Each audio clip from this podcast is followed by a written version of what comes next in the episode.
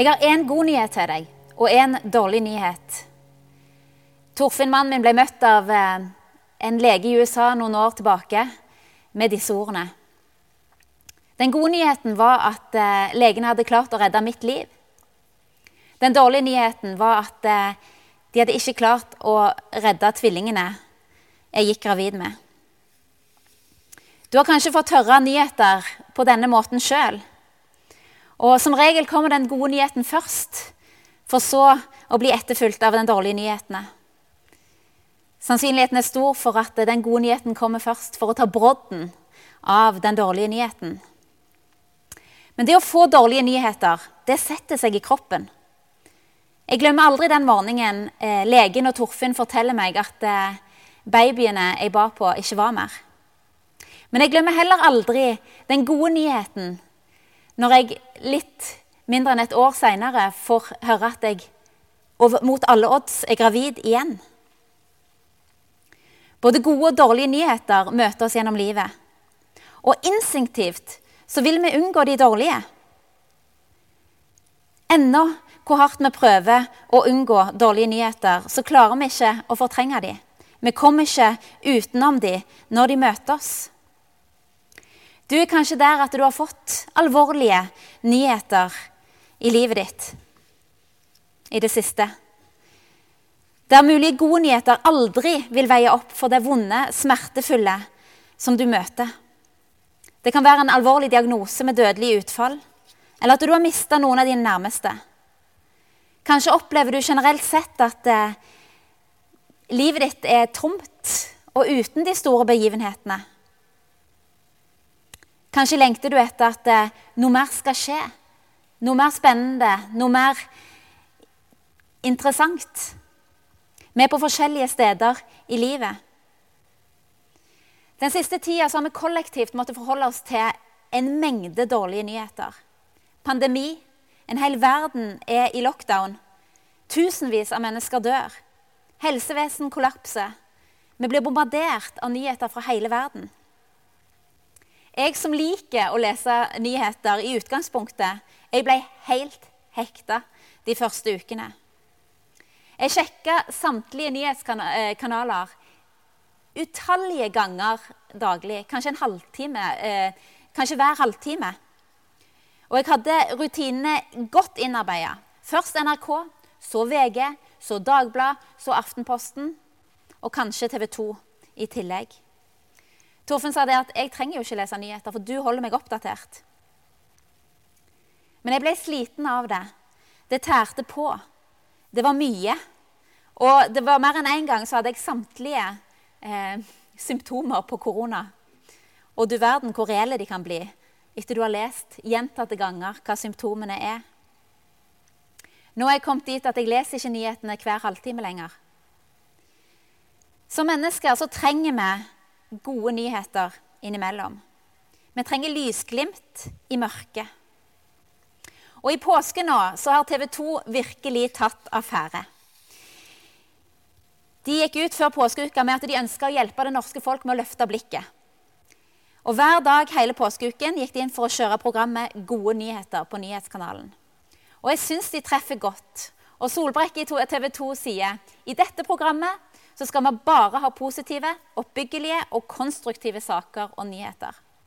Det er mye som føles tungt og usikkert for alle nå. Derfor tilbyr vi et lite pustehull hvor vi skal fokusere på at det skjer bra ting i verden også. Veldig bra, TV 2. I Bibelens fire evangelier så beskrives Jesu liv fra han kom til jord, til han døde og sto opp igjen, og fram til han ble tatt opp til himmelen.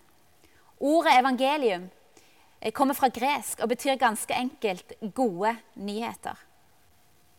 Dere hørte Jan Ege lese fra Matteus 28 om hva som skjedde første påskedag. Det hele starta tidlig på morgenen. Jerusalem hadde ennå ikke våkna til liv. Og to av Jesu nærmeste kommer til graven. Det var Maria Magdalena og den andre Maria. De kommer for å se til Jesu kropp. De kommer til å få se til graven. Og De siste tre dagene så har de opplevd Jesus bli forrådt, tatt til fange, ydmyka og latterliggjort. De har sett Jesus bli torturert og spytta på. og de har sett han bli henrettet på en grusom måte. Selv så opplever de trusler pga. sin relasjon til han. De har vært gjennom en følelsesmessig berg-og-dal-bane de siste dagene. Nedtur på nedtur. Jesus, som de var blitt så glad i, som for tre år siden kom med de gode nyhetene om at han var Guds sønn. Han de hadde hørt sagt, 'Herrens ånd er over meg'. Han har salva meg til å forkynne et gledesbudskap for fattige. Han har sendt, eh, sendt meg for å kunngjøre at fanger skal få frihet, og blinde få syn igjen. For å sette undertrykte fri og rope til et nådens år for Herren. Nå var han død. Han som hadde reist de opp, gitt livet deres mening, gitt dem mot og håp og frimodighet og verdighet. Nå var han borte. Og borte var også gleden og håpet de hadde fått. De må ha kjent på fortvilelse der de kom denne morgenen for å se til graven. Og Mange av oss vet hva bunnløs fortvilelse er. Når smerten og frykten lammer en, når håpet er ute og det bare fins avmakt. Dette er følelser Maria og Maria nok kjente på, sammen med alle de andre som hadde stått Jesus nært. Smerten over å ha mista og frykten for sjøl å bli fanga og drept. Men så er det det skjer, det som endrer livet deres for alltid, og som òg endrer verdenshistorien. Det står at det kom et kraftig jordskjelv. Bakken buldra, og så kommer det et lys, og en engel kommer ned og ruller steinen til side. Nå bruker Gud kreftene han har holdt tilbake når Jesus lå på kne i Getsemane og ropte til han om å få slippe å dø. Nå bruker Gud kreftene han holdt tilbake idet Jesus blir korsfesta og hengt opp på korset. Nå bruker kreftene han holdt tilbake når Jesus ble slått, plaga og spytta på. Nå slippes de løs, og bakken buldrer og skjelver. Og dødens lenker de blir sprengt, og Jesus reises opp. Engelen triumferer idet han setter seg på steinen og sier så til kvinnene, 'Frykt ikke'. Jeg vet at dere søker Jesus den korsfestede, men han er ikke her. Han er stått opp.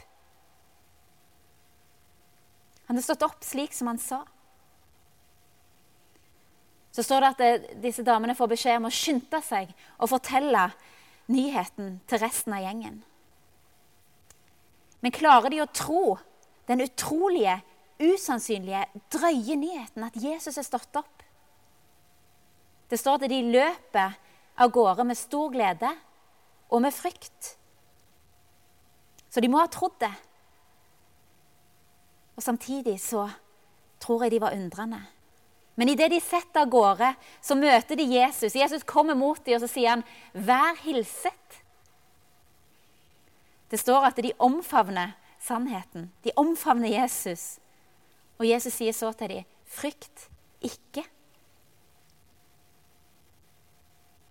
Kanskje har du som meg hørt dette budskapet så mange ganger at det er lett å glemme hvor oppsiktsvekkende og radikalt det er.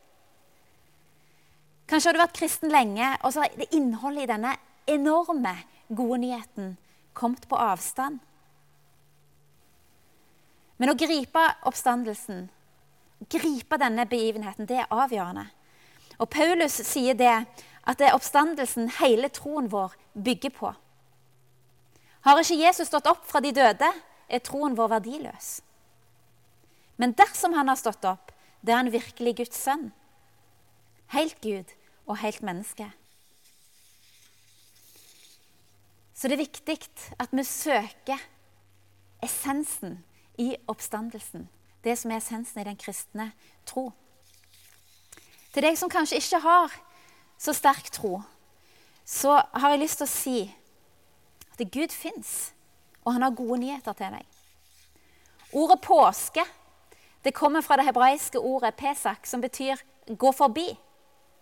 Du har kanskje ikke tenkt på det, men ordet påske har en helt eh, unik betydning. Og dette ordet kommer fra den gangen israelsfolket var slaver i Egypt. Gud ønsker å redde dem ut fra slaveriet.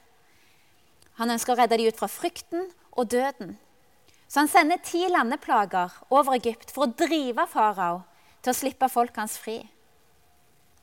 Dette skjer omkring 2000, eller flere tusen år før, før Jesus kommer til jord. Så Gud sender disse ti landeplagene over Egypt. Og den siste plagen, plage nummer ti, er at Gud sender en dødsengel gjennom gatene, der alle førstefødte sønner i landet blir drept.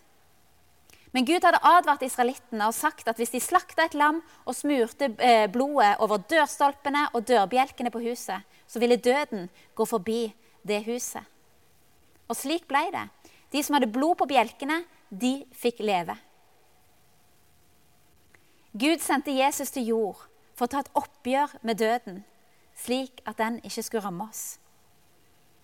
Det står det siden barna er mennesker av kjøtt og blod, måtte også han bli menneske som de.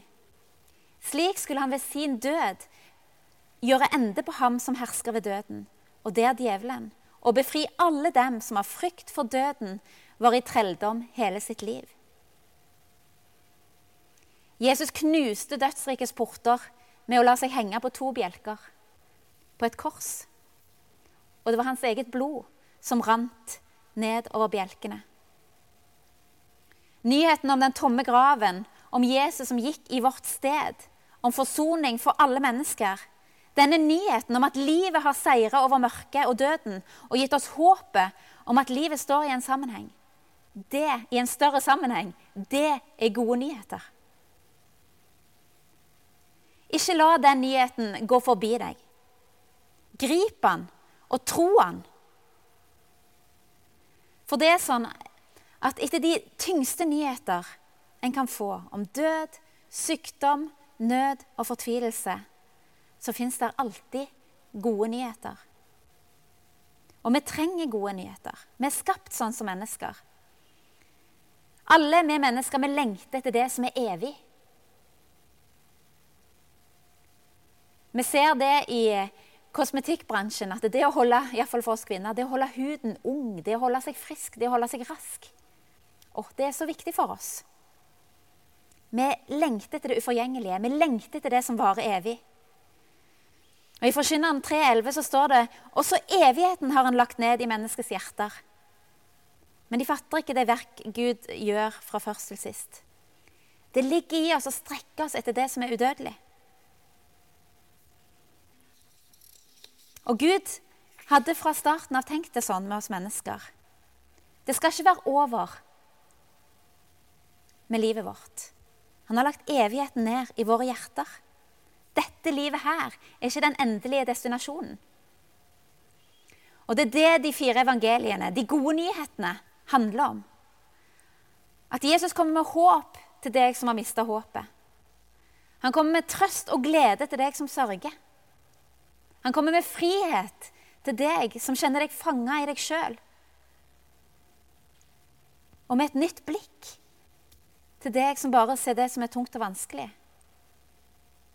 Og han kommer med et bud om liv til deg som er på vei mot døden. Og med det kommer også løftet om at han vil bære deg helt igjennom og oppreist til et nytt liv i evigheten med han. Hans kraft bor i den som tror. Og med denne veldige makt og styrke han ønsker å gi deg, med samme makten og kraften reiste han Jesus opp fra de døde. Påsken kommer med våren. Og etter enhver vinter, etter enhver smerte og død, så kan det komme en ny vår. Hver plante med røtter får nytt liv. Hele skaperverket vårt vitner om det. Gang på gang. Død fører til liv. Og på påskedag så ble døden til liv en gang for alle.